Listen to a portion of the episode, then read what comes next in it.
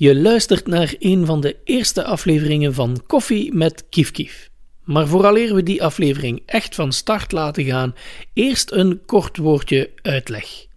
Aangezien Kief een kleine grassroots organisatie is, moeten we dikwijls experimenteren met de weinige middelen die we hebben. Dat was ook zo toen we van start gingen met onze podcasts. We kozen ervoor om die rustig op te bouwen en gaandeweg bij te leren. Ondertussen zijn we al meerdere afleveringen verder, kochten we beter opnamemateriaal en vonden we onze weg in aangepaste montageprogramma's. De aflevering waar u nu naar zal luisteren is echter een onderdeel van die eerste wat schroomvolle stapjes in de wonderenwereld van podcasts. Bij deze dan ook maar onze excuses voor de wat lagere kwaliteit van die podcast. Of toch de lagere kwaliteit qua opname, want qua inhoud zat het wat ons betreft wel degelijk meteen goed. En op die inhoud laat ik u dan ook niet langer wachten.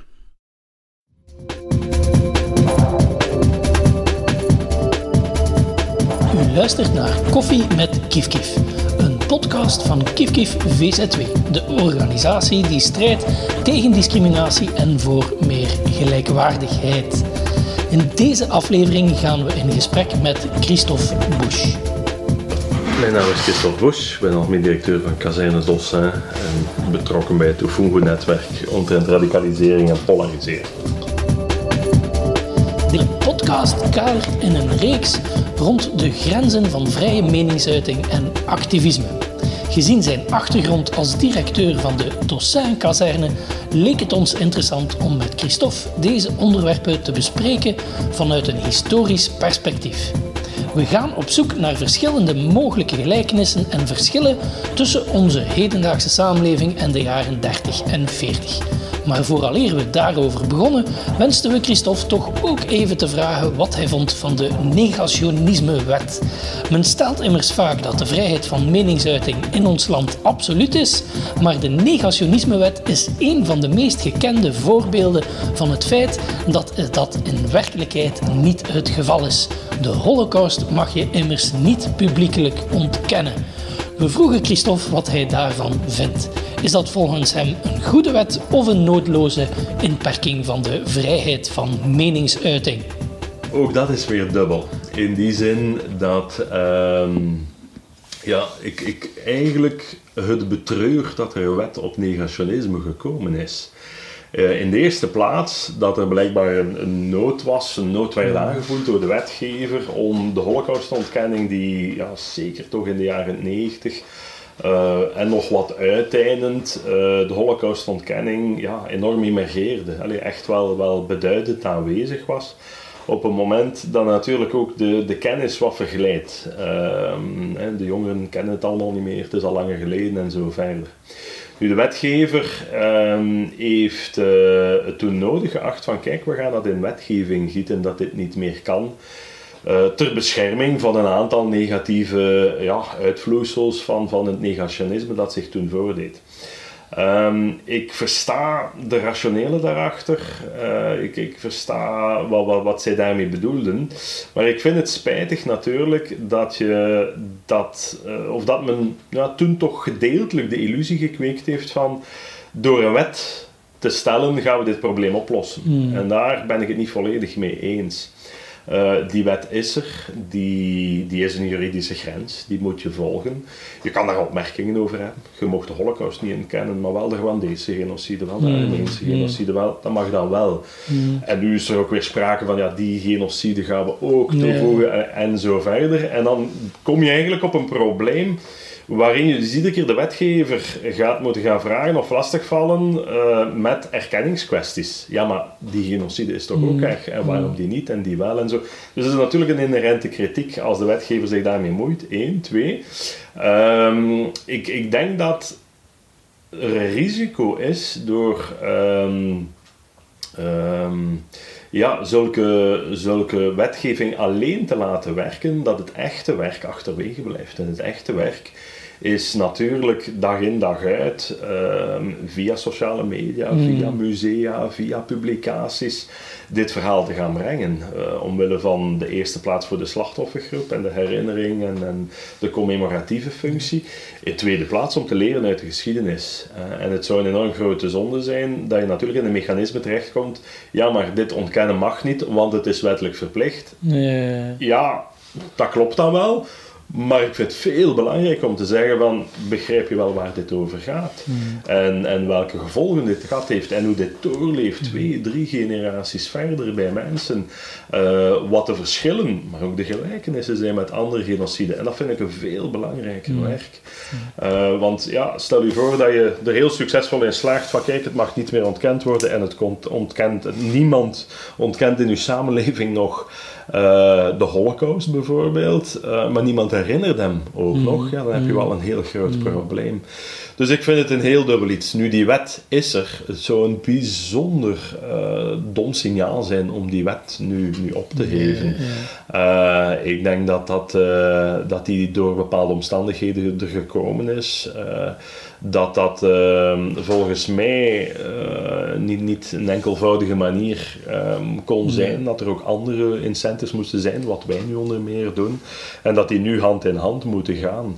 Maar ik vind het niet de wetgever zijn taak om eh, te bepalen welke geschiedenis moet herinnerd worden, wat wel herinnerd en niet herinnerd mag worden. Maar eh, je kan er niet omheen draaien natuurlijk dat geschiedenis altijd een politieke appreciatie van het moment is natuurlijk. Hè. Dus Ja, dat is ook een evidentie. stelt een beetje in. Hè. Eh, maar dus je zou, eh, allee, zelf zijn er meer voorstander om vrije meningsuiting zo absoluut mogelijk te houden en, en, dus niet historische, ideologische overtuiging aan band leggen, maar het louter te houden op niet oproepen tot geweld, niet oproepen tot haat enzovoort. Ja, Van de stad. En natuurlijk, Ja. je zit daar op een heel fijne ja, grens. In die zin, eh, als je eh, een, een gebeurtenis eh, die zo grootschalig is en nog zo doorleeft bij, bij slachtoffergroepen en aanverwanten, als je daar dan met ontkenning, en vooral ook als je de stijl van de ontkenning soms Ja. kon zien, ja, dan, zit je, dan, dan, dan kan je discussiëren. Ja, brei- brok je Ja. schade, roepen je op tot haat, eh, noem maar op. Hè. Daar hangen ook allerlei ja, mechanismen van, van, van destructief recht en van, van wraak en woede Ja. aan en zo verder. Dus dat is natuurlijk een, een, eh, een heel complexe grijze zone Ja. waarin je u daar begeeft. Waarom ook? Omdat we eigenlijk, als we de modellen, hoe genocide zich voltrekken, dan zien we eigenlijk, en het meest gekende is het 10 stadia model van Gregory Stanton, dan zie je in dat 10 stadia dat het laatste stadium van een genocide eigenlijk de ontkenning is. En die ontkenning kan dus weer een voedingsbodem zijn voor nieuwe lagen van conflict. Het mooiste voorbeeld is de Balkan, waarin je eigenlijk continu generaties hebt die naar elkaar aan het leven staan. Ehm, en dat is natuurlijk eh, ja, kennis die we, die we wetenschappelijk hebben van ontkenning kan leiden tot haat, tot polarisatie, tot... Dus waar trek je die grens? En voor een ene persoon, zeker die natuurlijk ook direct betrokken is geweest bij de holocaust, zal die grens veel vroeger vallen. En iemand die veel meer afstand heeft, ja, zal die grens misschien mogelijk iets verder vallen. Nu, het woordje ontkenning triggert plotseling een beetje een zijsprong bij mij. Hè. Ehm, leven die voor een stuk ook in een ontkenning van wat, ik kan nu een beetje kort door de bocht, het Westen gedaan heeft in Irak? We zijn de hele dag bezig met de gruwels die, eh, die IS aan, aan, eh, of doet en uitvoert. En dat is ook gewoon verschrikkelijk. Er zijn weinig mensen die dat ontkennen. Maar het feit dat de gevolgen van de invasie in Irak voor een miljoen doden en hoogstwaarschijnlijk veel meer hebben gezorgd, hè, rechtstreeks of onrechtstreeks, ehm, ja, dat wordt niet, misschien niet ontkend, maar, maar bijna onbewust, bewust, je kunt het u afvragen, genegeerd. Ziet je daar... Absoluut. Hè. Ik denk dat dat ook een van, van de grote triggers is. Als je gaat gaan kijken, eh, sommige jongeren die dan verwikkeld geraken in eh, jihadistische milieus of netwerken. En als je dan gaat gaan kijken wat het wereldbeeld is, het referentiekader dat zij creëren, dan is dat een fundamenteel anders eh, referentiekader dan dat de gemiddelde westerling heeft. Ehm, en ik denk dat inderdaad het herkennen van wat ons aandeel is van het Westen in bepaalde geopolitieke situaties een cruciaal onderdeel is. Eh, jongeren die naar Al Jazeera kijken en de resultaten zien van de bombardementen uh, of kijken naar mensenrechten schendingen richting Soenitische moslims in Syrië en zo verder. Ja, dat zijn beelden die wij op een jaar misschien een paar keer zien. Als uh, Amnesty weer iets in de picture brengt en dan gaat dat weg. En dan gaat het natuurlijk weer een focus zijn naar eigen problemen, hè, vluchtelingencrisis richting Europa en noem maar op. Dus ik denk dat, we, uh, dat het cruciaal is om een koe een koe te noemen en te gaan zien van waar is. Um, een aandeel, en dan gebruik ik specifiek dat woord, en niet zozeer schuld of, ja, ja. of ja, een soort uh, ja, to totaal etiket, maar mm. wat is ons aandeel uh, in de gehele geopolitieke situatie? En als je heel ver teruggaat, hè, we gaan zelfs al, al de Eerste Wereldoorlog of daarvoor gaan, gaan kijken, dan zie je natuurlijk dat het Westen vanuit toch wel een koloniale invalshoek uh, zich in tal van huidige conflictgebieden mhm. gemoeid heeft, mm. zaken geforceerd heeft, bepaalde machtspatronen geïnstalleerd, waarin we dan achteraf zien van, ja, daar hebben we mede een bepaalde voedingsbodem gelegd. Ja, ja, um, de ontwrichting van het Iraakse regime voor Saddam is vanuit een mensenrechten oogpunt perfect verstaanbaar. Maar natuurlijk zie je als je dan uh, bepaalde Soenitische uh, groeperingen zoals de Republikeinse Garde, als je die dan natuurlijk ja, isoleert, in verdrukking geraakt en zo verder, raakt die op een bepaald moment opgepikt door mm. IS. En dan mm. merk je plotseling van, oei, daar zit nu plotseling een enorme militaire mm. competentie uh, waar we nu tegen aan het strijden zijn. En dat is toch wel de kortzichtigheid van ja.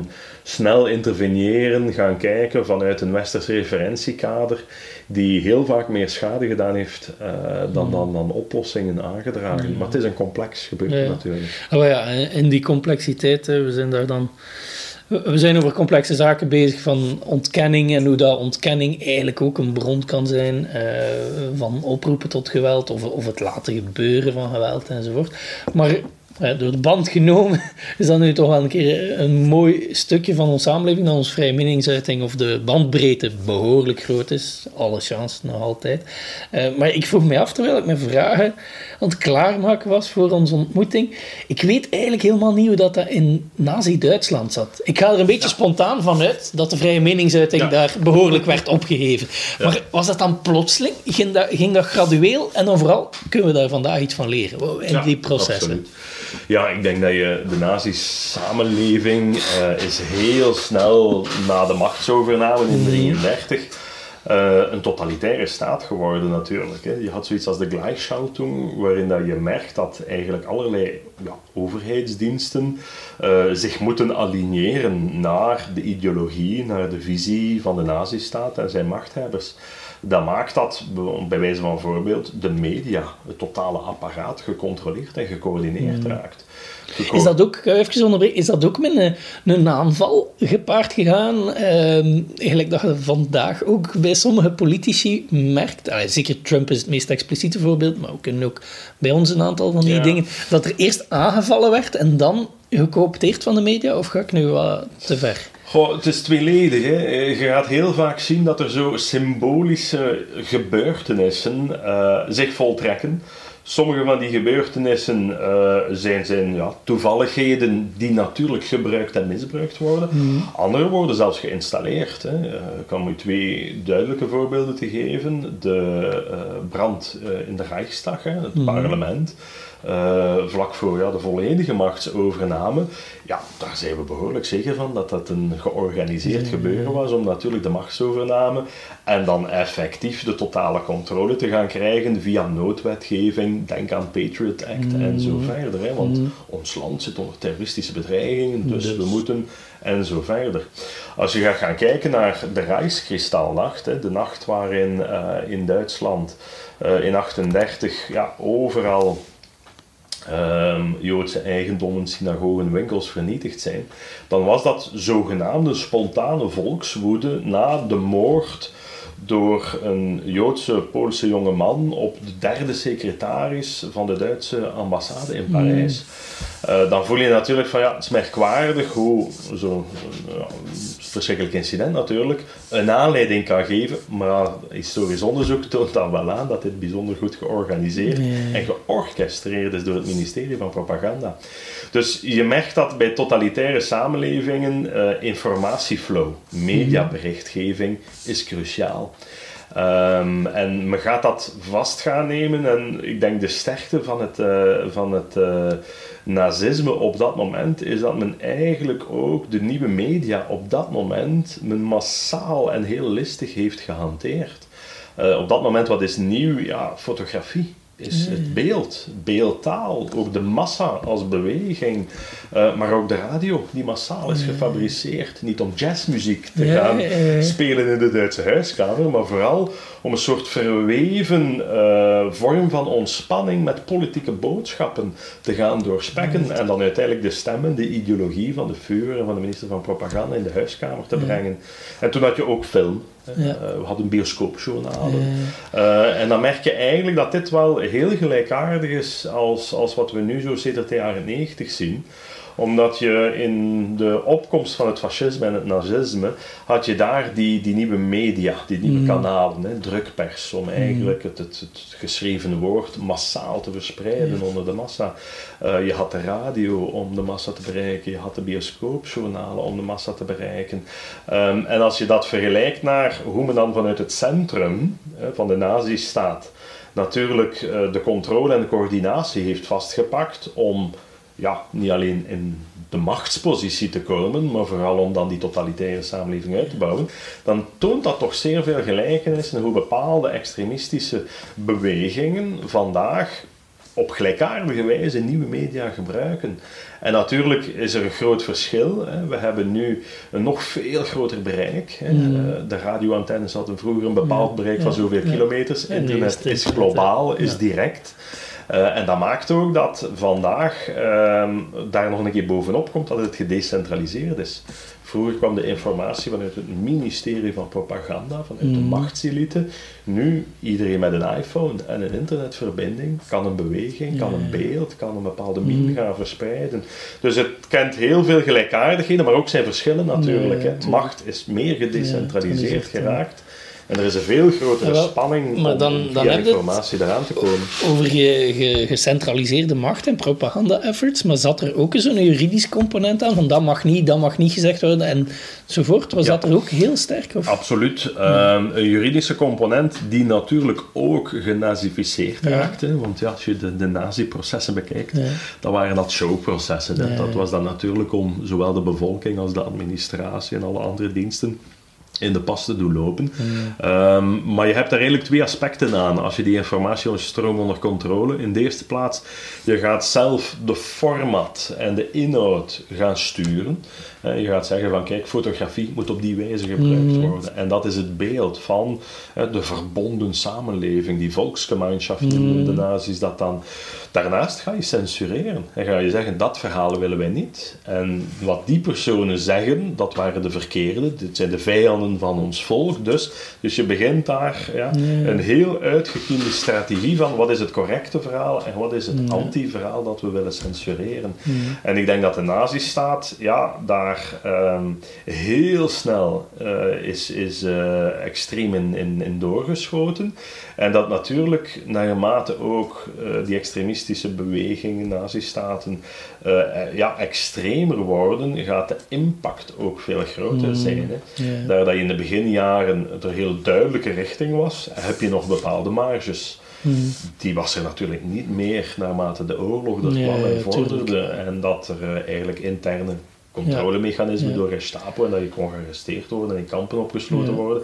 Ja, je merkt dat de, de plaats voor het vrije woord altijd maar minder wordt, tot wanneer ze niet meer bestaan. En heb je weet, dat vind ik dan altijd interessant, zijn, zijn er mensen die erin slagen om er iets anders mee te doen, maar ik kan mij inbeelden dat in Nazi-Duitsland, dat dat zo snel ging, dat proces, dat men niet kon zoeken naar manieren om daar... Um, hoe zal ik het zeggen, slinks mee om te gaan. Vaak krijg je in de geschiedenis uh, dat taal wordt heel flexibel gebruikt. En men zegt een woord, maar iedereen weet, behalve de machtshebber, dat dat woord eigenlijk iets anders betekent als ik het in dit gedicht gebruik. Zoiets. Bestond dat ook in Nazi-Duitsland, dat, dat er activisten waren, zal ik dan maar zeggen, die, die een andere manier vonden? Of ging dat te snel en heeft men geen andere taal gevonden om ja, ik, ik denk vooral als je naar de jaren 20, 30 gaat gaan kijken, ehm, dan, dan zie je dat er heel weinig appreciatie nog is van waartoe dit allemaal kan afglijden. En toen we een beetje denken aan het boek De Slaapwandelaars. Achteraf natuurlijk, met alle kennis van zaken, met de holocaust, kijken we met die bril terug. Maar op dat moment merk je toch wel dat de grote massa daar eigenlijk niet bij stilstaat. En vooral zoiets heeft van, we hebben uh, oorlogsjaren achter de rug, we hebben een vernederende periode achter de rug in, in Duitsland dan. Eh, nu komen de mooie jaren voor ons. Hier is een sterke man, uh, die weer een identiteit en een collectieve identiteit. Dus die massa die gaat eigenlijk mee in dat heel positieve, verbindende verhaal. En gaat een stuk natuurlijk de zondebokmechanismen die worden gehanteerd ook gaan omarmen. Misschien eerst afstandelijk, door niet te reageren. Maar gradueel kunnen meer en meer mensen natuurlijk zelf ook een actief element daarin gaan spelen. En dat maakt dat andere stemmen, stemmen die daar ook waren en die het bruinboek van de Hitler hebben mhm, geschreven mhm. en zo verder, dat die uh, redelijk snel in de minderheid en ook in de verdrukking kwamen. En dat natuurlijk ook uh, via allerlei kanalen, zowel juridisch, politioneel, mm. of, of er was ook letterlijk een fysieke strijd en gevechten mm. op de straten, maar ook via sociale mechanismen dat daar een ban werd opgelegd. Hè. Een mooi voorbeeld is uh, Der Stormer, was een heel antisemitische krant uh, in Nazi-Duitsland, die op een bepaald moment ook publiceerde in lokale edities van kijk, persoon X, een Duitse inwoner van die stad, koopt zijn goederen bij die Joodse winkelier. Het is maar dat je het weet dan snap je dat hier natuurlijk de sociale mechanismen en uitsluiting en naming en shaming wordt mm. gebruikt om mensen in de pas te doen lopen.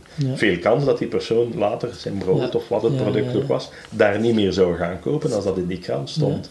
Dus, dus het is heel ingenieus, heel listig en die mechanismen die zie je vandaag ook. Ik sta soms een mm. beetje versteld dat men zegt van ja, fake news en dat nieuw probleem. Ja, dat is geen nieuw probleem natuurlijk. je kent wel nieuwe jasjes, je kent nieuwe kanalen en, en, en, technologieën. Uh, maar het is altijd al een strijd en een grotere strijd geworden van hoe gaan we met informatie om, hoe kunnen we die kritisch lezen en zo verder. we gaan eh, misschien een beetje een, uh, een te verre sprong maken, maar dan moet je maar zeggen als ik die te ver maak. Hè, maar je zit binnenkort in de Roma uh, in het panel voor de boeklancering van Rashida Lamrobet, als we het over naming en shaming hebben enzovoort, de pas laten lopen. Veel mensen zien het zo. Andere mensen zouden zeggen, maar ja, dat is hier een kwestie uh, tussen een werkgever en een werknemer. Wat is uw reden om in dat panel te gaan zitten? Ziet je dat als een voorbeeld van bepaalde minderheidsgroepen effectief in de pas te doen lopen? Is het daarom dat je daar naartoe gaat of kijk je er anders naar? Wat voor mij vooral van belang was toen dat ik het, uh, de vraag kreeg, was um, ja, de overtuiging dat binnen dat debat ik een bepaald perspectief kon inbrengen dat hopelijk nuance, een, een, een, een, overbrugging uh, zou kunnen uh, betekenen. En daarmee bedoel ik dat uh, natuurlijk minderheidsgroepen altijd bijzonder kwetsbaar zijn. Mm dat dat heel vaak ook moeilijk te erkennen valt. Hè, van ja, dat is niet waar en mensen hebben toch kansen. En men staat daar veel te weinig bij stil dat het allemaal afhangt van psychologische interpretaties. Ik kan de rijkste mens van de wereld zijn, maar mij heel arm voelen. Ja. Dus mensen maken allemaal interpretaties van hun situatie, van de context en zo verder. En die clashen natuurlijk heel vaak, omdat daar men, men, elkaar niet begrijpt, eh, misbegrijpt en zo verder. En waar ik uh, heel vaak schrik heb als er zo debatten gebeuren, dat is dat door een, een positionering A versus Q. Mm dat eigenlijk de polarisering gevoed wordt en dat de kloof nog groter wordt en dat de minderheden nog meer verdrukt richting een zonnebokgroep mm. gaan. En dat de machtigen ja, nog meer in een overtuiging geraken van kijk, we hebben gelijk en als je niet luistert en zo verder.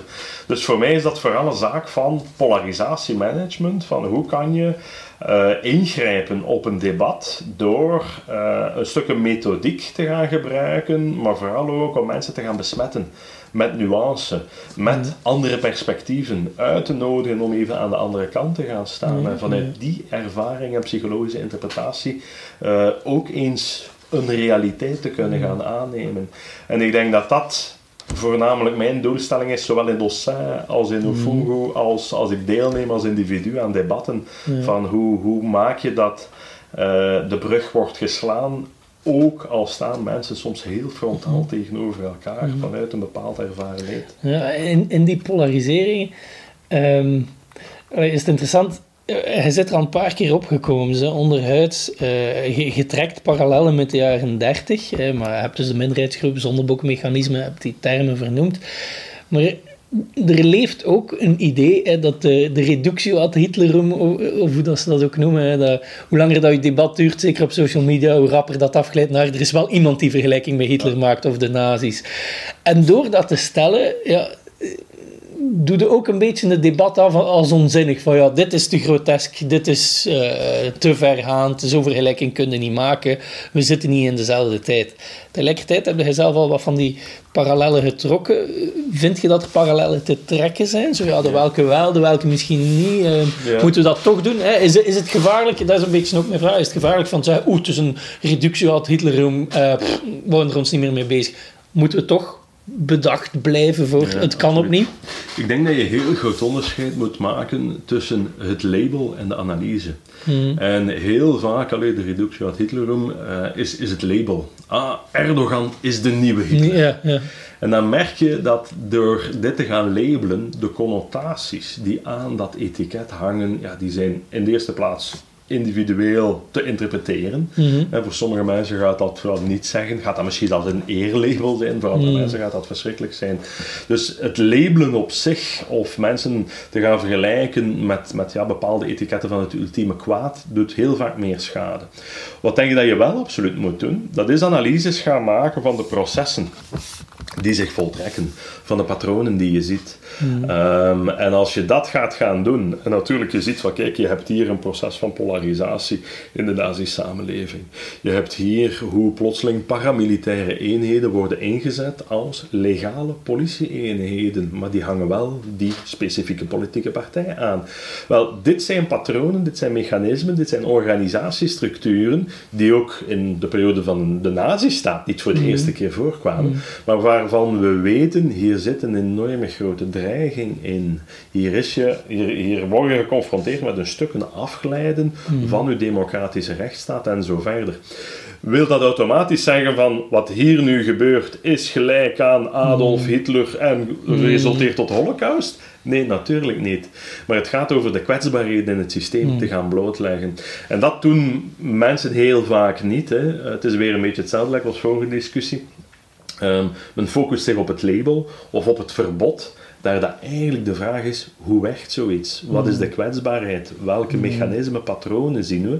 En wat kunnen we daarvan mm. leren?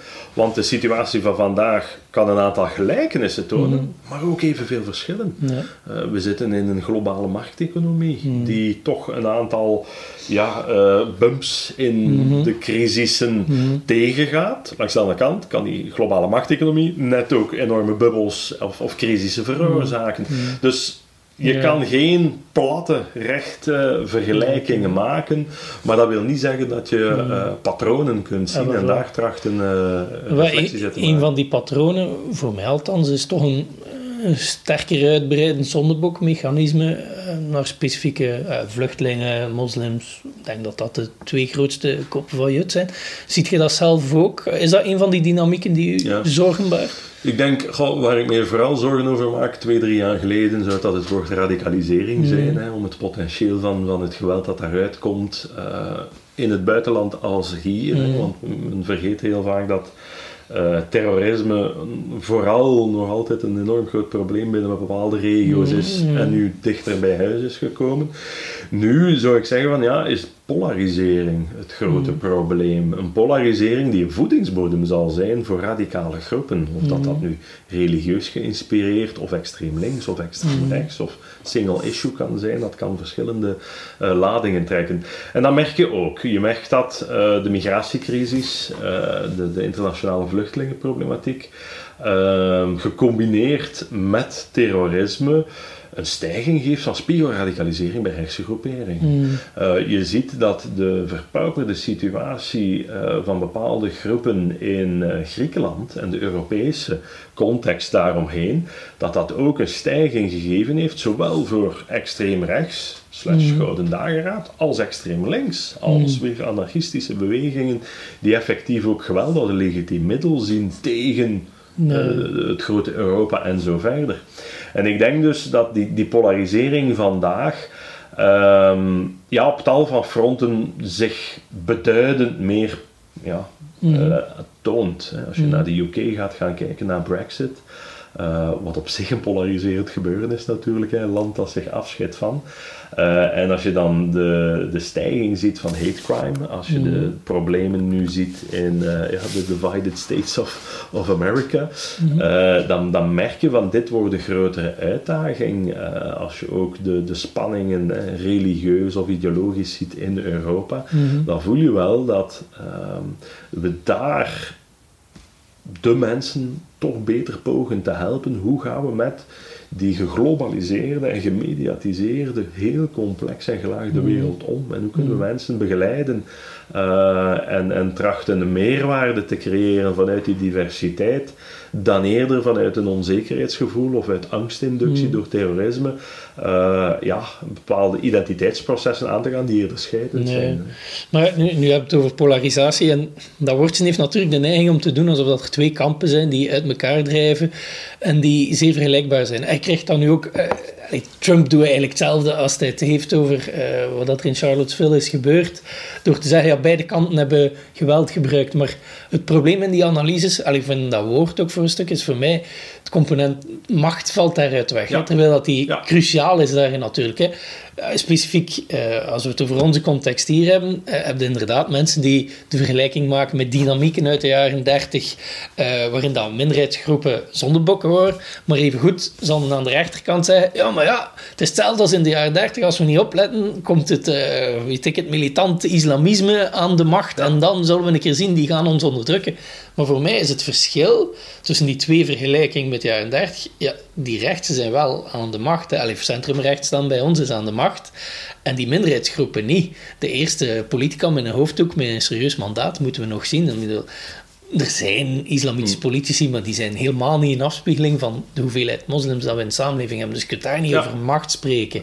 En dat, is, dat is los van de geopolitieke context verder, maar hier is dat toch geen kwestie. En dus, ja, dat is, dat is toch een cruciaal onderscheid. Ah, Wel, maar ik, ik zie daarin polarisatie als, als een proces, als hoe dat werkt. En terecht, bij een polarisatie is er heel vaak meestal één groep die meer macht heeft dan de andere groep.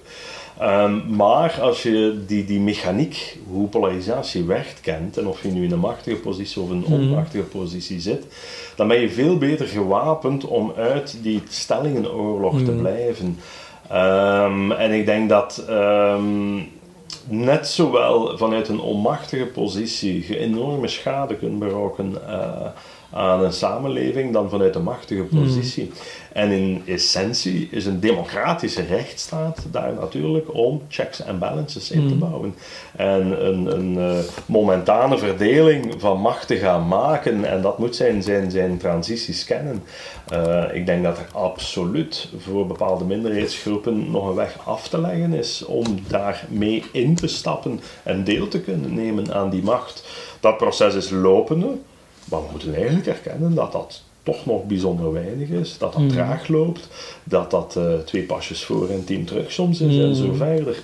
Ehm, maar waar dat voor mij vooral over gaat, hè, als het gaat over ehm, pak nu uh, hoofddoekendebat, pak nu het Zwarte Pieten-debat, uh, waarin je machtigen, hè, bepaalde politieke machtsconstellaties die in ons land zijn, die een stem daar hebben, en dan een minderheidsgroep hè, die daar ook een stem over heeft, en die botsen frontaal tegenover elkaar, dan gaan die twee kanten de stijl waarin ze het aanpakken en de manier hoe ze kijken naar de mechaniek, Mhm. het mechanisme van polarisatie, gaat heel bepalend zijn of dat het nu verder gaat werken in nog meer het splitten.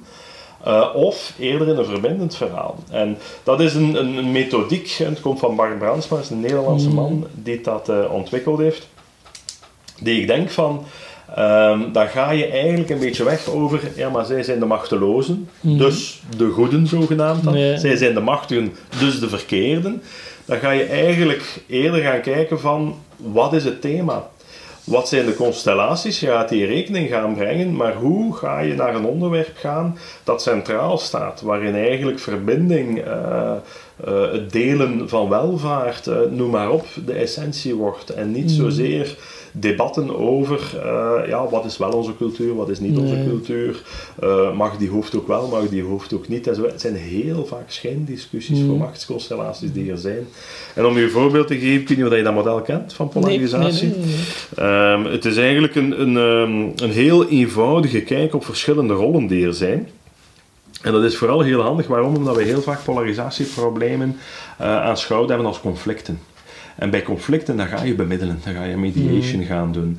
Maar als je dat bij polarisatie doet, dan maak je het probleem erger. En dat heeft te maken met de rollen die er zijn. hè. Je hebt pushers Ja. van eh, extreme overtuigingen. Laat me hier Philippe de Winter zetten, Ja, een extreem anti-islam versie. Laat me hier uh, Fouad Belkacem zetten, hè. Ja, Sharia ja. for Belgium, een extreem anti-West. Dus je- ze zijn heel mooi diametraal tegenover elkaar. En die hebben elk een volgersgroep. Ja. Die zeggen van, Philippe heeft gelijk, uh, heeft gelijk. Waar komen die mensen uit? Die komen natuurlijk uit het midden. En wat hebben wij gedaan? En dat zijn mensen die zeggen, oh, ja, ik, behoor niet tot die anti-islamkant of tot die anti-westerse kant. Het zijn mensen die hier bezig zijn met hun leven uit te bouwen, met hier samen te leven, noem maar op, in alle diversiteit die er is. En wat hebben wij heel vaak gedaan? We hebben heel vaak bij polarisatieproblemen ons hier tussen gesteld. Dat is iets wat klassieke media of politiek doet. En wij zijn gaan praten met meneer De Winter. En zei, maar meneer De Winter, uw beeld van islam, dat klopt toch niet volledig hoor. En zo verder. Wij zijn gaan praten met Fouad Belkacem. Zeg je, maar meneer Belkacem, dat klopt niet volledig. En zo. Soms hebben ze samen in debat gestoken Mm, zelfs. hè. Dat dan op mm. YouTube gaan zien. En dat geeft dan ja, natuurlijk zogenaamde goede televisie en veel vonken. nu, wat gebeurt er? Die mensen, die pushers van extreme meningen, die wijken geen centimeter natuurlijk. Integendeel, die zijn bijzonder tevreden dat je eigenlijk continu brandstof geeft aan hun mening. En dat je hen de mogelijkheid geeft om over hun gekozen onderwerpen natuurlijk te kunnen spreken. En dat is de valkuil. We hebben gedacht, dit is een conflict, dus we moeten die overbruggen. Dat Ja. gaat natuurlijk niet. Je maakt het erger door continu met de extreme pushers van gedachtegoed te gaan praten in de hoop. Hè. En het enige wat je gaat doen, is eigenlijk de Ja. krachten hier, waarin een grotere groep volgers gaat komen langs hè, de linkse of rechtse kant, of noem maar op, Ja. wat de opdeling is. En dit hier wordt altijd maar kleiner. En dit Ja. wordt de zonnebokgroep. Ja. En wat moet je nu wel gaan doen bij polarisatiemanagement? Is in de eerste plaats, je gaat je doelgroep gaan veranderen. Je praat niet meer met de mensen die in extreem pool maar je praat hier met hubs, mensen die een verbindend verhaal Mm. vertellen. Voor mij zijn dat in Regent, hè, de, de imam Khalid Benado, Mm. die een, een heel stevig sociaal netwerk heeft hier en tracht Mm. een, een Europese islam uit te bouwen. Dat is de Rudy Franks, die verbindende verhalen tracht te vertellen via een heel impactrijk medium, noem maar op. Je gaat met hen aan de slag. Je gaat ook niet over de onderwerpen die zij praten, aan leven gaan praten. Ja. In essentie gaat het niet zozeer over die hoofddoek. Je kan een zinnig Nee. debat voeren in officiële functies, of dat je nu wel of geen religieuze tekens mag dragen Mhm. en zo verder. Op een bepaald moment moet je daar dan een keuze in maken als samenleving. Maar het gaat eigenlijk niet over die hoofddoek. Eh, zoals dat het debat waar mevrouw Krevits in verzeild is geraakt, dat het echt niet gaat of moslims Mm. goede of slechte ouders zijn, omdat ze meer of minder met een schoolse begeleiding van hun kinderen bezig zijn. Het gaat erover van hoe kunnen we in ons onderwijssysteem met deze diversiteit, die cultureel verschillend Mm. evident zal zijn, hoe kunnen wij maximale input geven zodat de opleidingskansen, groeikansen en zo. Dat is eigenlijk het onderwerp. Ja. Dus andere doelgroep, ander onderwerp en vooral ook uw tonaliteit. Ja, ja. En dat is van belang. Als je natuurlijk hier een extreme mening wordt over gezegd van uh, en Sint-Niklaas of Zwarte Piet is dat. En je gaat jezelf aan de overkant, dan weet je sowieso waar je uitkomt. Ja, maar dus, basically zei de mediatiek, laat ons die extreme wat negeren, veel meer aandacht geven aan die middenmoot en andere vraagstelling. Maar dan zitten we toch weer in heel die machtsvraag, omdat uiteindelijk de media ja, de dominante groep een beetje vertegenwoordigt en die dingen zelf opwerpt. Hè. Of Ja. de politiek. Hè. Ja, is een perfect voorbeeld. Ze geeft daar een gratuite uitspraak over moslimouders zijn minder betrokken. Als je dat socio-economisch gaat gaan bekijken, blijkt dat niet klopt. Zijn gewoon mensen uit armere klassen hebben het moeilijker om betrokken te zijn op het onderwijs. Dan krijg je een heel ander verhaal, dat komt minder aan bod. Dus daar is het weer gebeurd. Hè. Dat kun je niet op de De Winters of de Nee, klopt. steken. Dat is eigenlijk die middenmoot. Het probleem is een beetje dat de machtshebbers denken dat ze de middenmoot zijn en niet zien dat hun machtsverhaal er altijd ergens insluipt. Ja, wel, het, het grote probleem is het multiplicator-effect van de media natuurlijk. Ja. Vroeger was dat de krant, dat was nog relatief beperkt. Als je nu kijkt, ja, wat bepaalde kanalen van bereik en impact hebben, is dat gigantisch. Een stuk vind ik soms ook van hoe wij onszelf laten leiden door non-events en ja, non-issues. ja. Dat ik denk van, allee, waar ben je mee bezig? En politiek gaat er dan over in. En dan races van opiniemakers beginnen Mhm. allemaal, ik ben voor de straat of tegen in de straat, doe maar op. Ehm, maar wat dat ik toch ehm, ja, de bedenking wel moet maken, ook al heb je eh, de, de cruciale rol van de media, eh, is het eigenlijk vooral de bedoeling van, ook al zegt iemand iets, raakt dat geïnterpreteerd, Ehm, raakt dat dan ja, enorm vermenigvuldigd natuurlijk hè, door de media, is het een opdracht om zowel de verspreiders van de boodschap als de, de creators en de makers van de boodschap weer opnieuw rond de tafel te gaan brengen. Ik ga u een voorbeeld geven als het gaat over terrorisme. Mhm.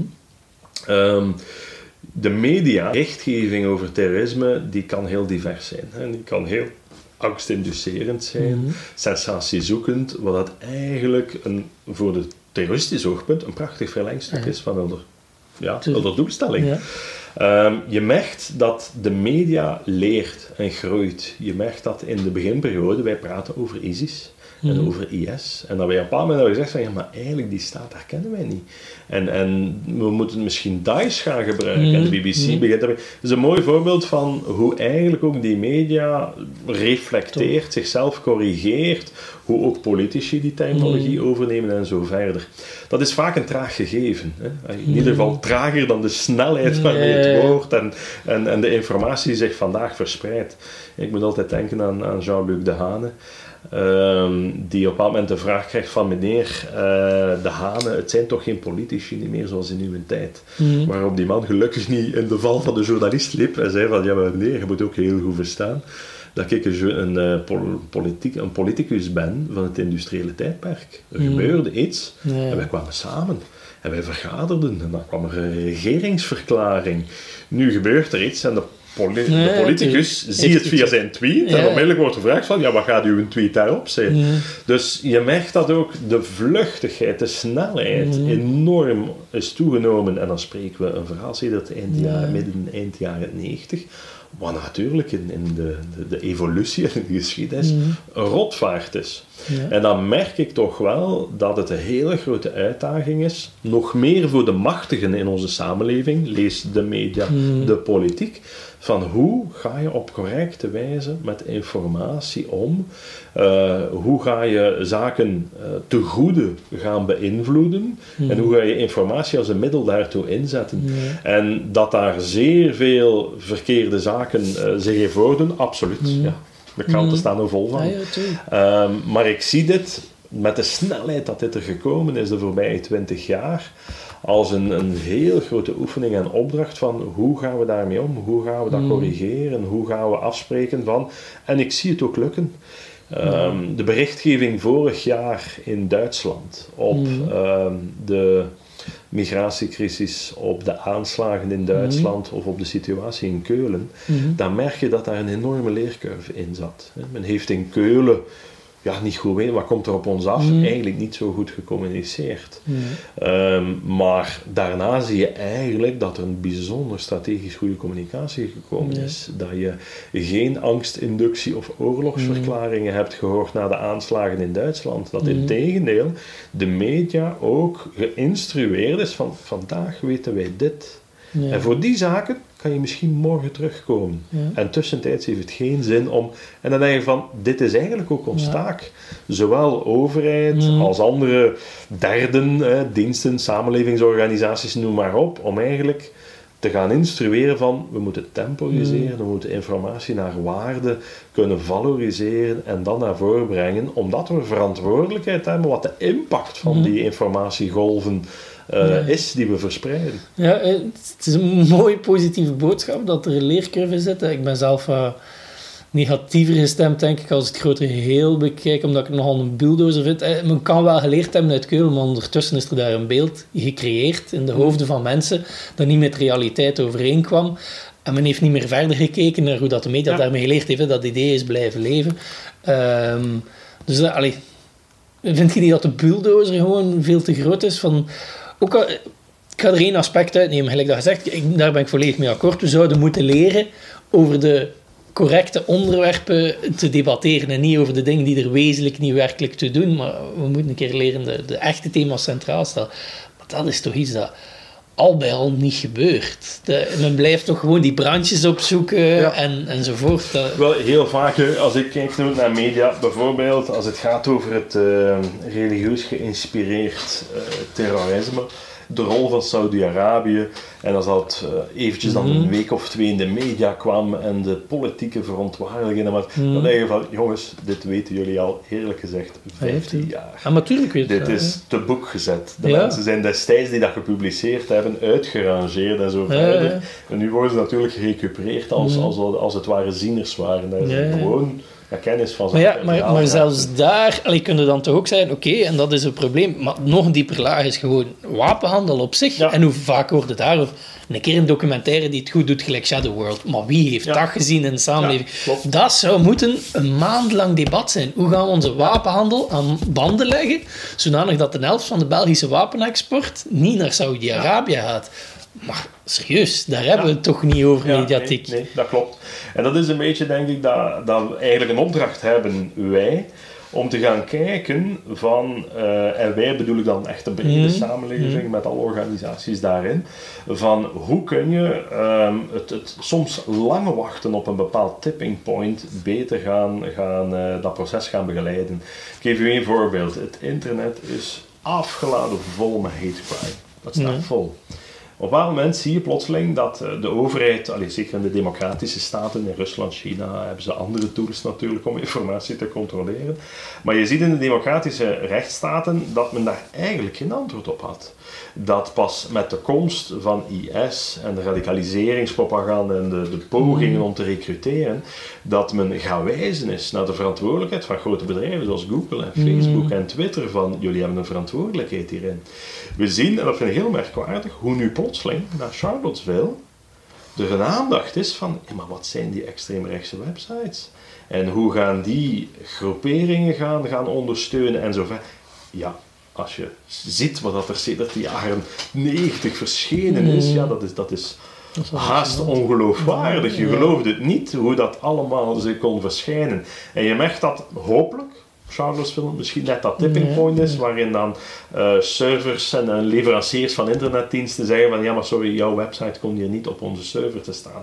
Ik vrees dat er altijd wel een of Nee, apeneiland zal zijn, Ja. maar het wordt toch moeilijker. Ja. Ja.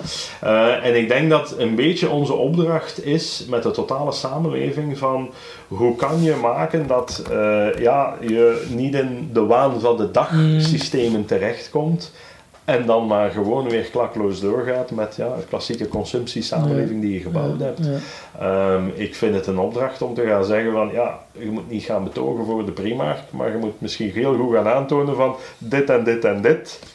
Zo goedkope kledij kan alleen maar als je hier deze beelden eventjes in ogenschouw. Ja, En als je daarmee eens bent, ja, koop dan gerust in de Mm. Primark. En ik denk dat dat... Ja, oké, maar zie je, dat komen we voor mij weer op macht. Ik denk dan, nee, afschaffen die handel. Dat kan niet. dingen gelijk de Primark. En dan, dan is dat aan een overheid en dus aan de machtshebbers om er paal en perk aan te. En je kunt moeilijk zeggen, deze beelden, dit is mensonterend, eh, dit gaat tegen alle mensenrechten in die we kennen. Maar goed, als je daarmee kunt leven, dan mocht je gaan... Allee, dat, Ja. dat is wezenlijk toch een beetje... Maar dan ga je uit van een, een wereld met mensen en andere dierlijke soorten rationeel denkt Nee. en zich gedraagt. En dat is natuurlijk... Nee, maar daar ga ik niet vanuit. Juist omdat ik er niet vanuit ga, vind ik dat Wel, af en toe maar- moet... mijn- stelling zou zijn van, het gaat over invloed en het gaat over beïnvloedingsprocessen Ja. te gaan maximaliseren. En ehm, als ik zie hoe ehm, de brexit eh, ja, het resultaat is van een beïnvloedingsproces, als ik zie naar Trump, Hmm. en we begrijpen nu ook breder als we bepaalde doelgroepen, nou, als je naar, naar, naar staten zoals Noord-Dakota gaat Hmm. gaan kijken, dan begrijpen we plotseling ook van, ja, vanuit jouw situatie Ja, ja, een Trump-stemmer, ja, oké, nu begrijp ik dat. En ik had daarvoor eigenlijk een ander beeld. Dat Mm. beeld was ook, ja, of die realiteit was meer weggemoffeld onder Obama. Dus je begrijpt dat dan allemaal wel, wel beter en zo verder. Maar je merkt bijvoorbeeld dat diezelfde mechanismen in onze ogen positief in Frankrijk zijn gebruikt. Hmm. Waarin je eigenlijk eh, toch wel wat meer weggaat van een heel, ehm, ja, moet ik het zeggen, hè, nationalistisch geïnspireerde oorlogsdiscours naar aanleiding van de aanslagen. Dat ik emotioneel kan begrijpen, maar niet zeer, zeer verstandig vond vanuit de samenlevingsproblemen die je kent. En waarin er nu eigenlijk een soort beweging, een massa wordt beïnvloed met een pro-Europees Mhm. verhaal, met een pro-Frans verhaal, met weer een verbindend narratief en zo verder. En bij mij gaat het daarover, hè, want anders ga je, en in C is dat ook een machtsstrijd. Hè? Mhm. Is dat van hoe ga je een massa gaan beïnvloeden om ofwel meer checks en balances te gaan krijgen, of een ja, evolutie in een bepaalde richting, een tegenrichting of een soort ja, antidote eh, te gaan creëren. En vandaag heeft dat alles te maken met het referentiekader opbouwen.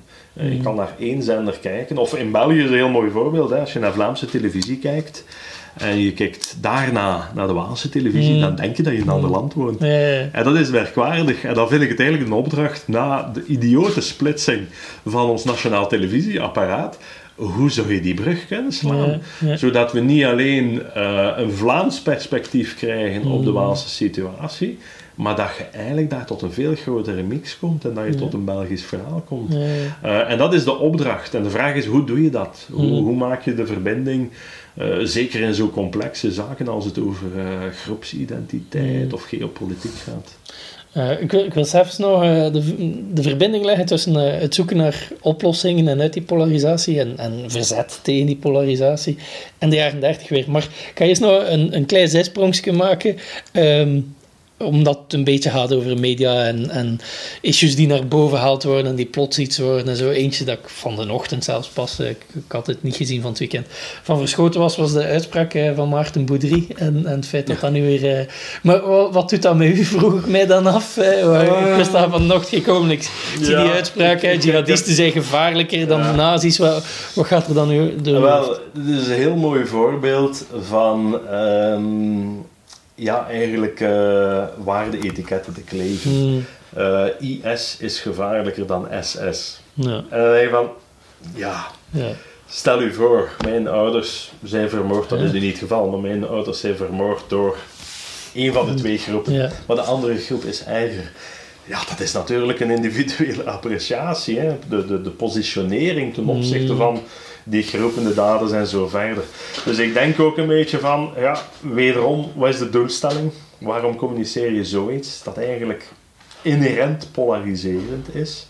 Eh, welke meerwaarde wil je creëren? Wat wil je gaan aanvallen juist en zo verder? Dat zijn de vragen die ik mij zou stellen Hmm, eh, over, over zulke berichtgeving. Ehm, ik, ik, ga, goh, ik vind het bijzonder onzinnig om leed te gaan vergelijken of kwaadaardigheid te Ja. gaan vergelijken. Maar een Eh, van de dingen dat bij, bij als dit, hij krijgt dan heel veel ruimte in, in de morgen om, om in mijn ogen een redelijk onzinnige stelling, eh, om dezelfde reden als dat je aanbrengt, nog een keer te gaan verklaren. Maar als je dan goed leest, dan, dan krijg ik de indruk dat zijn enige punt is, ja, maar die zijn gelovig. En dat is dus absolutistischer in hun hoofd en dus problematischer. Maar bedoel, ik ben geen genocide, genocidekenner, jij wel, maar voor het beetje dat ik ervan weet, dan denk ik elk concept, of dat nu de nazistaat is of wat dan ook, kan absoluut worden en zo absoluut dat het een totaal onzinnige, ja. niet, niet gewoon onzinnig, maar, maar een complete gruwel wordt. Ja. Of zouden mij tegenspreken? Nee, nee tegendeel. Wat je een beetje gaat merken is heel vaak, allee, nu juist een opiniestuk voor de knak ook geschreven daarover, uh, en dat is heel vaak dat als men kijkt naar collectief geweld, dat dat genocide of terrorisme is en zo verder, dat is dat uh, men uitgaat van uh, er zijn een aantal grote wortels van dat kwaad. En men reduceert dan een heel complex proces tot het is armoede, het is religie, het is noem maar op. Mm. En je gaat dan 1, 2, 3 ingrediënten hebben, goed schudden en je hebt uw terrorist. En dat klopt natuurlijk helemaal niet. Uh, je hebt uh, vanuit een, een, religieuze betrokkenheid, uh, zul je de meest mooie en verbindende gedragingen mm. en verhalen hebben, en ook de meest gruwelijke. Net zoals dat je dat vanuit een ideologie kunt hebben als, mm. noem maar op, van andere gedachtesystemen. Mm. Dus ik, ik vind het um, heel gevaarlijk om, om um, ja, uh, zaken zo eenvoudig te gaan voorstellen. Um, en het is vooral een opdracht, denk ik, om de publieke opinie, de samenleving, mm. politiek en media, mee aan de hand te gaan nemen en te gaan zeggen van kijk, uh, het zijn complexe processen. Het is een heel complex samenspel van factoren dat uh, individueel is. Want ik ben een persoon met een ervaring, met een referentiekader, met een kijk op de wereld, noem maar op.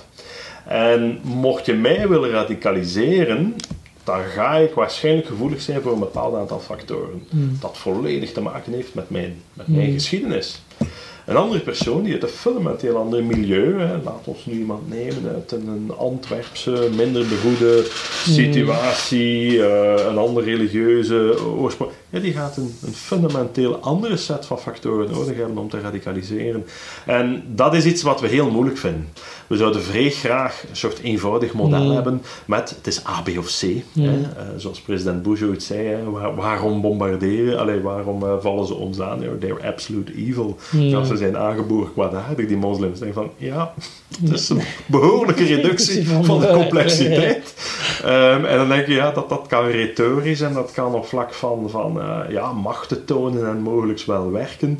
En misschien eventjes om momentaan de rust uh, of een zondebok te, te gaan mm. toewijzen. Uh, maar in de long run help je daar mm. uw samenleving, uw bevolking uh, niet mee en ga je helemaal het probleem niet aanpakken. Mm. En dat is dus de uitdaging van de realiteit van zulke fenomenen. Is complex, is gelaagd, vecht tijd, aandacht, inspanning om die te verstaan. En dat vind ik een beetje een probleem als je gaat gaan kijken van via Twitter kan je die nuance niet brengen. Die laat zich niet brengen in 140 tekens. het is ook een opdracht voor academici om de wetenschap te gaan populariseren. Om het eenvoudig in mensentaal te kunnen uitleggen. Dat is een, een absolute taak van de wetenschap. Uh, maar je mag ook niet naïef zijn en denken dat je en ondertussen zien we dat het buitenlandbeleid van de Verenigde Staten in 140, pas op, ik moet zeggen 280, soms zijn het 200 ja, ja, ja, wordt bepaald. En dan denk je van, dit, dit is waanzin. Dit is dit waanzin. Is waanzin. Uh, absoluut. En dat is toch wel weer een oproep van, nuance, tijd nemen, de verschillende ingrediënten van de informatiestroom gaan bekijken en daar dan trachten zelf een oordeel eh, van te ja, En dan nog een keer terug naar eh, de waanzin van de jaren 30 en 40 en, en ja, de, de onmogelijkheid bijna voor verzet om, om, om die nuance en die, en die complexiteit binnen te brengen enzovoort. Het is niet gelukt, er is een holocaust van gekomen en 60 miljoen doden of wat is het in de Tweede Wereldoorlog in het geheel. Um, maar, maar eh, er zullen wel vormen van verzet geweest zijn. Uh, en, en hetgeen dat mij nog het meest interesseert, want uiteraard is er het gewapend verzet geweest, de, de weerstand enzovoort. Het is misschien voor een andere keer, want ik denk, eh, vandaag zou de onder de term terreur vallen en dat vind ik interessant op zich. Maar eh, los daarvan, ik vind ongewapend verzet als pacifist interessanter. Ehm, in een interview met u in de knak zag ik bijvoorbeeld uh, agenten die weigerden om aan razzia's deel te nemen. Daar, daar wist ik niet van, uh, razzia's bij Joden. En zijn er zo nog van die elementen? En kunnen we daar iets uit leren? Ja, ze hebben niet gelukt om om tegen te houden wat dat er gebeurd is. Maar zijn er elementen van verzet waar we vandaag kunnen uit leren? Ja, absoluut. En we hebben daar ook heel vaak te weinig aandacht voor. In die zin dat we ja, meer getriggerd zijn door wat maakt mensen extreem kwaadaardige gedragingen plegen en zo verder. Daar zit natuurlijk een stuk sensatie uh, aan gekoppeld. Ehm, maar wij merken, alhoewel het dominante patroon in, bij collectief geweld uh, ja, vaak het bystander effect is. Hè. Grote groepen staan in de zijlijn, kijken toe, interveneren mhm. niet en geven vaak in de psychologie van de daders een soort stilzwijgende toestemming. Dus dat is het dominante patroon. We zien echter dat er mensen zijn, onder invloed van bepaalde processen, die daar tegenin gaan. Die ofwel ja, stilzwijgend, eh, geen stilzwijgend eh, verzet plegen door niet deel te nemen aan de razzia's, misschien nog een stuk verder zelfs, door op een bepaald moment Joodse uh, mensen in huis te nemen, mm. door kinderen te helpen onderduiken. Mm. Wat hen blootstelt natuurlijk aan, aan vervolging, aan moord, aan, aan uh, repercussies voor hun eigen familie en zo verder. En we hebben in de wetenschappelijke literatuur daar veel te weinig aandacht voor gehad. We waren vooral gefocust van hoe zijn mensen in staat om zo kwaad te plegen? Hoe komt dat de wereld niet geïnterveneerd heeft? Waarom heeft men Auschwitz niet gebombardeerd? Dat zijn de vragen die we stellen. Maar veel te weinig Waarom heeft die heroïsche held, noemen ze dat dan, waarom heb jij de keuze gemaakt om hier te zeggen, ik neem niet deel aan die razzia's? Uh, neem... Heb je een idee wat dat percentage was van mensen dat Joden binnennam, uh, die onderduiken enzovoort. Het is, het is heel verschillend. Hè? Dus uh, wat toch wel uniek is in België, dat mag zeker gezegd worden. In België zijn, zijn, uh, is de helft van de, de aanwezige Joodse gemeenschap vermoord en via DOS mm. gedeporteerd naar Auschwitz-Birkenau en 25.800 mensen. De andere helft heeft de Holocaust overleefd. Dankzij gered worden door onderduiknetwerken en zo verder. Als je dat vergelijkt met Frankrijk en Nederland, zijn dat veel hogere percentages. Gaat dat tot 70, 90 procent die vermoord is geweest van de Joodse populatie. Um, dus waarom is, is dat zo belangrijk? In de eerste plaats, als we die focus hebben, dan gaan we ook veel meer op zoek naar wat heeft iemand gemotiveerd? Uh, wat is een drijfveer geweest om hier actie te ondernemen, om te weigeren, om iemand te helpen onderduiken, uh, om kleine tekenen van, van, van, van verzet of hulp te gaan aanbieden in ja, de probleemsituaties die, die zich voltrokken daar. Dus die narratieven, die verhalen waarin we kunnen ja, de motieven gaan uitfilteren, die zijn van belang. Daar moeten we veel meer aandacht voor hebben. En niet gewoon een medaille en een erkenning geven, maar op zoek gaan. Hoe werken die mechanismen? Uh, dus dat is een, een heel belangrijk gegeven. In tweede plaats ook, omdat mensen hoop nodig hebben. Mm. Uh, wij merken dat alle dagen in het museum. Als je natuurlijk drie verdiepingen geweld, terreur, graduele uitsluiting tot uiteindelijk een massale uh, uitroeiing gaat gaan brengen, en je stopt daar, mm. dan gaan mensen naar de balie en zeggen: Het is een verschrikkelijk verhaal, ik ben er drie weken niet goed van. Mm. Maar hebben ook het gevoel van: Ja, wat kan ik nu doen? Ja, dat, dat niet meer gebeurt, zeggen ze dan. Uh, net zoals dat zij ook een gevoel van, van immobilisme hebben op vlak van de internationale uh, migratieproblematiek. Ja, wat kan ik daaraan doen? Het is oorlog in Syrië. En als je die verhalen van redders uh, gaat gaan lezen, dan ga je daar dingen uitpuren die hoop geven. Er zijn mensen die in heel barre omstandigheden keuzes hebben gemaakt. Die soms heel kleine, op dat moment blijkbaar niet zo waardevol geachte gedragingen mhm. plegen, maar die wel geresulteerd hebben in het redden uh, of in het overleven van bepaalde mensen. En we brengen in ons museum het verhaal voor kinderen, want het is een redelijk brutaal thema natuurlijk dat we hebben, uh, het traject Kleine Simon. En dat gaat over uh, een jongen, die, een klein jongetje, die door zijn mama, Simon Gronomski, van de trein is geduwd, het twintigste transport, dat door drie eenvoudige verzetsmannen uh, was gestopt. Um, een van de meest unieke gebeurtenissen in de Holocaustgeschiedenis, in Europa zelfs. Hè. Die trein die gestopt werd, mm. uh, niet zo ver weg in Bord-Meerbeek, uh, de trein die van Mechelen vertrok. Um, die trein is dus gestopt. De mama heeft die kleine jongen eraf geduwd, Simon Gronowski van die trein. Meerdere mensen, meer dan 260 mensen zijn eraf gesprongen. Uh, zeer veel mensen zijn onmiddellijk neergeschoten daar door, mm. door de bewaking. Die kleine jongen niet, die is gaan lopen, lopen, lopen. Dat was een Franstalige jongen in Vlaams, Nederlandstalig gebied. En die komen op een bepaald moment een agent tegen. En die agent ziet natuurlijk van, ja, een Franstalig jongetje, wat, wat, wat doet dat hier? Maar zij zei, die agent maakt de reflectie van, ja, dit gaat een Joods jongetje zijn, dat waarschijnlijk vanuit Mechelen naar Polen ging en zo. En die gaat niet gaan zeggen van, ja, ik ga hem dus naar het kantoor en hup, mijn probleem niet, ik voer de, de regels uit. Integendeel, die brengen naar een huisgezin. En dat huisgezin, die omarmt dat jongetje. En gaat hem doen onderduiken en daardoor overleeft die man. En dan merk je plotseling dat door ja, toch kleine moeite, die agent die beslist van ik ga hem niet naar links, maar ik breng hem naar rechts. Die gastgezin die zegt van ja, oké, we gaan hier. Ja, dit, dit leidt tot het overleven van dat jongetje en een kroostrijk gezin dat daar nu, nu uitgekomen is. En ik denk dat onze opdracht is om zo grote, monsterlijke uh, geweldsprocessen soms ook te gaan reduceren tot dit is wat mensen in mm. hun directe omgeving gedaan mm. hebben en wat je kan doen. Mm. Um, internationale vluchtelingenproblematiek in Gent, dat is iets van de boot die daar aan de Dampoort ligt. Daar kan je iets mee gaan doen. Die mensen zitten daar. Je kan iets van zingeving gaan doen in de nabijheid. En we moeten maken dat die internationale fenomenen ons niet verlammen om ook iets wat we kunnen doen in onze nabijheid te gaan, gaan triggeren. Um, ja, en, en uh, in de pleidooi voor complexiteit, een keer dat het over concreet wat kunnen doen, ja, dat zal in de complexiteit en in de lokaliteit zich afspelen. Maar zeker als je ook zo'n zo mooi verhaal vertelt, heel veel daarvan is een emotionele drijfveer. Hè? Dus nog de agent, nog die mensen die het kind hebben opgenomen, hebben zich laten doen door de dominante ideologie. Zijn er stilletjes, waarschijnlijk, alleen veronderstel ik, in alle stilte, tegenin gegaan. Maar dus van binnenuit waren ze van iets anders overtuigd. En, en ziet je grotere patronen hoe dat, je, hoe, hoe dat er bij mensen dan toch onderuit mogelijkheden waren om ze daarvan te overtuigen. Van tegen de dominante ideologie in te Ja, ik, ga, ik denk als je gaat gaan kijken hoe groepsdynamica werkt hmm. bijvoorbeeld, dan is dat ook heel goed bestudeerd op vlak van daderschap. Ehm, maar die mechanismen op zich, hè, hoe recrutering werkt, hoe uh, engagement, grotere betrokkenheid tot mhm. een bepaalde ideologie, gedachtegoed, hoe dat werkt, ja, die zijn kleurloos. Die zijn niet goed of slecht. Dat mechanisme heeft ervoor gezorgd dat sommige mensen lid geworden zijn van de SS en naar het Oostfront zijn gaan strijden door de serieuze die opgeroepen hebben en zo verder.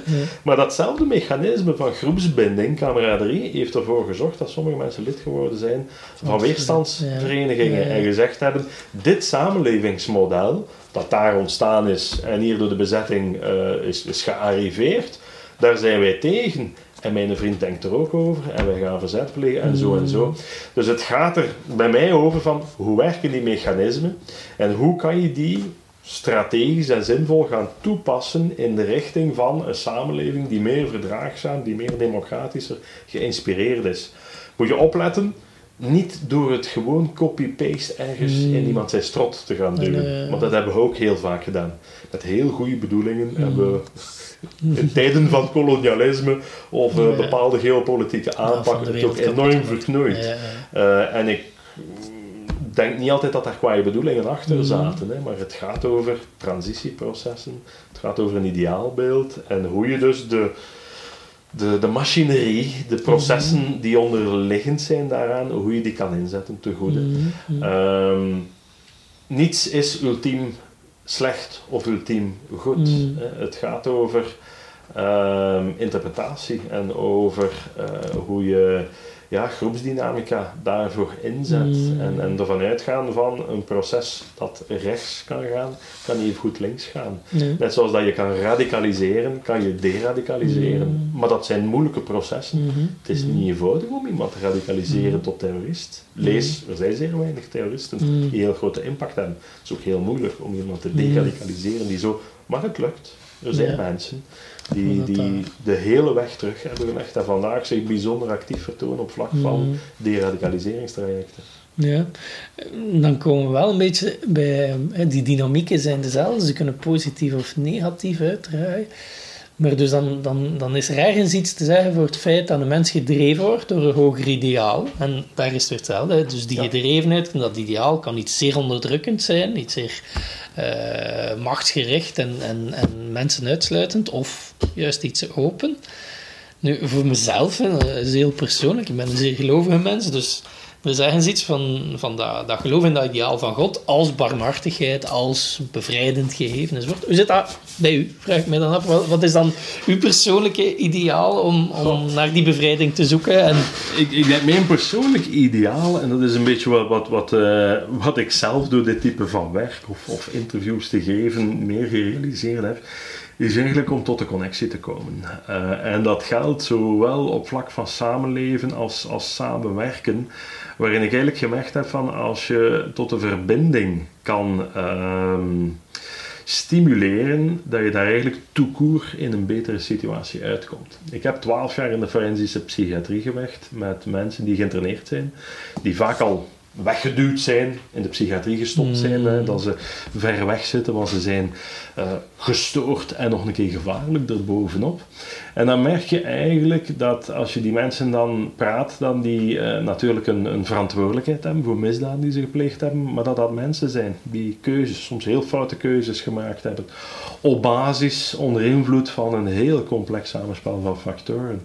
En, daar is, en voor mij was dat heel groot mensenrechtenwerk, waarin dat je eigenlijk je de vraag moet stellen van hoe kunnen wij die groep weer gaan herverbinden met onze samenleving. Want wij moeten vooruit samen. Mm. Hoe zou je er zelfs kunnen in slagen, en dat lukt zeker niet bij iedereen, nagelang wat, wat de aard van het geweld was natuurlijk. Uh, hoe zou je uiteindelijk ook slachtoffer en dader weer kunnen mm. herverbinden op deze samenleving? Um, voor mij is opgegroeid in, in een westerse context, is de democratische rechtsstaat en de humanistische waarden die daarin zitten, is, is het centraal erfgoed van mm. deze regio. Is eigenlijk ook uw, uw tool om te gaan gebruiken, om te maken dat de heel grote diversiteit, gaande van atheïsten, moslims, katholieken, mm. noem maar op, zodat zij in vrede en in dialoog mm. uh, ja, welvaart en levenskwaliteit kunnen gaan opzoeken. Um, en dat is heel eenvoudig gebaseerd op, ik toen me denken aan Patrick Lodewijk zijn boek, op, op uh, ja, de veronderstelling van als je uh, zelf een aantal dingen wilt om je te kunnen actualiseren, mm. zelf te verwezenlijken en zo verder, dan ga je diezelfde tolerantie ook aan de overkant moeten hebben. Mm. Um, je, je atheïsme kan bestaan dankzij respect voor religie. Religie kan bestaan dankzij. Mhm. En als je dan een samenlevingsmodel hebt die dat regelt, mhm. waardoor er keuzes kunnen gemaakt worden, religieus, uh, op vlak van ideologie en zo verder. En daar zijn checks en balances, wat dat altijd een verhaal zal zijn met meer macht, minder macht, uh, een slechtere positie, beter. Dat is een, een eeuwig continuerend gegeven. Uh, en je kan daarop inwerken, zeker bij groepen die die aan de onderkant van uw samenleving zit, dat is voor mij denk ik het hoogste doel. En dat is, uh, ja, ik denk dat dat een heel, uh, moet ik het zeggen, dankbare drijf voor Vero ook is, omdat je daar eigenlijk wel merkt van, uh, de wereld is iets beter achteraf als je daarin geslaagd hebt of niet. Maar het is een complex proces van twee stappen vooruit en soms drie achteruit. Zo is dat. Merci Christophe. Goed, graag gedaan. Dit was Koffie met Kief Kief. Vond u het een boeiend gesprek? Neem dan nog eens een kijkje op onze website of volg ons op sociale media. Later volgen zeker meer podcasts van Kief VZW, de organisatie die strijdt tegen discriminatie en voor meer gelijkwaardigheid.